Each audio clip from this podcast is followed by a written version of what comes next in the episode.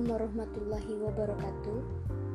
Perkenalkan nama saya Desti Agustiani dari program studi Sarjana Terapan dan Dietetika Gizi tingkat 2A.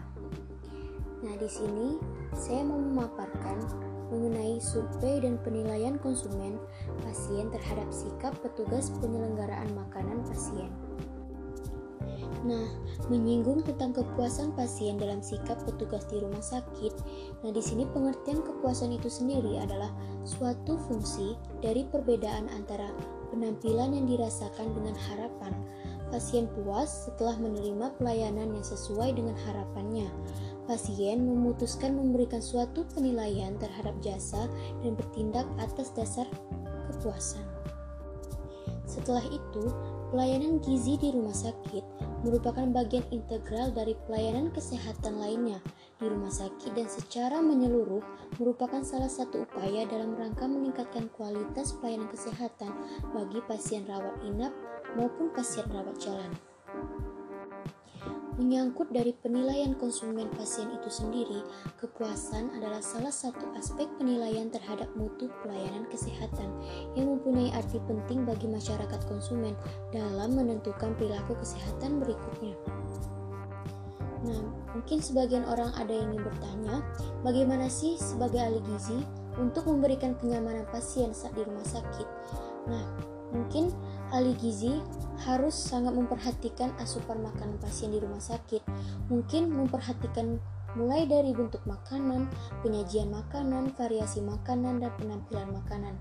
Penyajian makanan dengan pengaturan suhu pada waktu penyajian memegang peran penting dalam menentukan cita rasa makanan.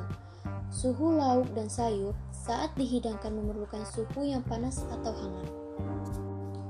Begitu juga dengan pelayanan gizi di rumah sakit, memerlukan suatu pengolahan yang baik dan tepat sebagai acuan untuk pelayanan bermutu yang dapat mempercepat proses penyembuhan pasien itu sendiri dan juga memperpendek lama hari rawat dan menghemat biaya perawatan.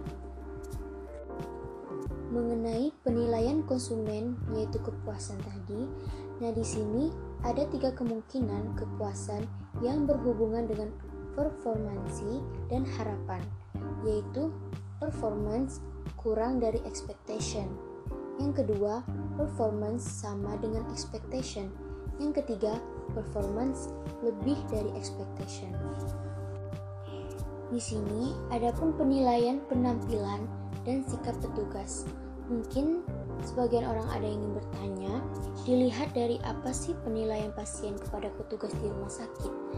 Nah, penilaian itu sendiri yaitu yang pertama reliabilitas, dua tanggapan, yang ketiga kompetensi, yang keempat accessibility, yang kelima komunikasi, yang keenam kredibilitas, yang ketujuh keamanan, yang terakhir ada kelengkapan. Setelah itu, bagaimana sih standar pelayanan minimal rumah sakit? Nah, standar pelayanan minimal rumah sakit itu adalah ketentuan tentang jenis dan mutu pelayanan dasar yang merupakan urusan wajib daerah berhak diperoleh setiap warga secara minimal. Juga merupakan spesifikasi teknis tentang telak ukur pelayanan minimum yang diberikan oleh Badan Layanan Umum kepada masyarakat.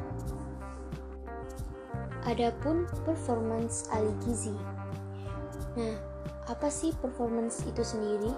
Performance merupakan penampilan individu maupun kelompok kerja.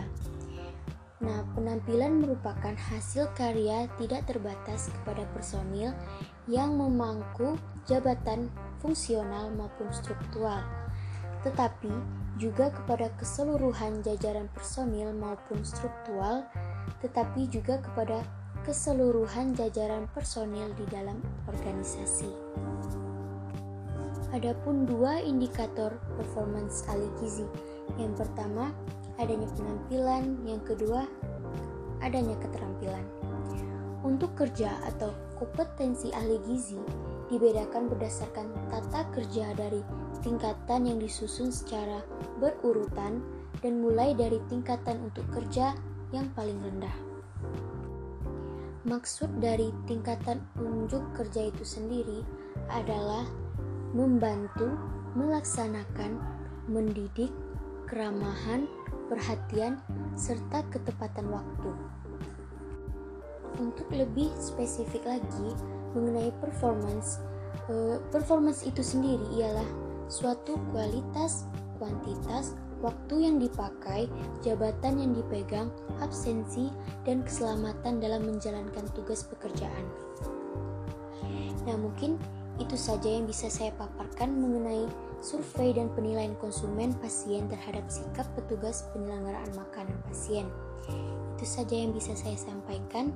Apabila ada kesalahan dalam penyampaian, saya mohon maaf. Saya akhiri. Wabillahi taufiq wal hidayah. Wassalamualaikum warahmatullahi wabarakatuh.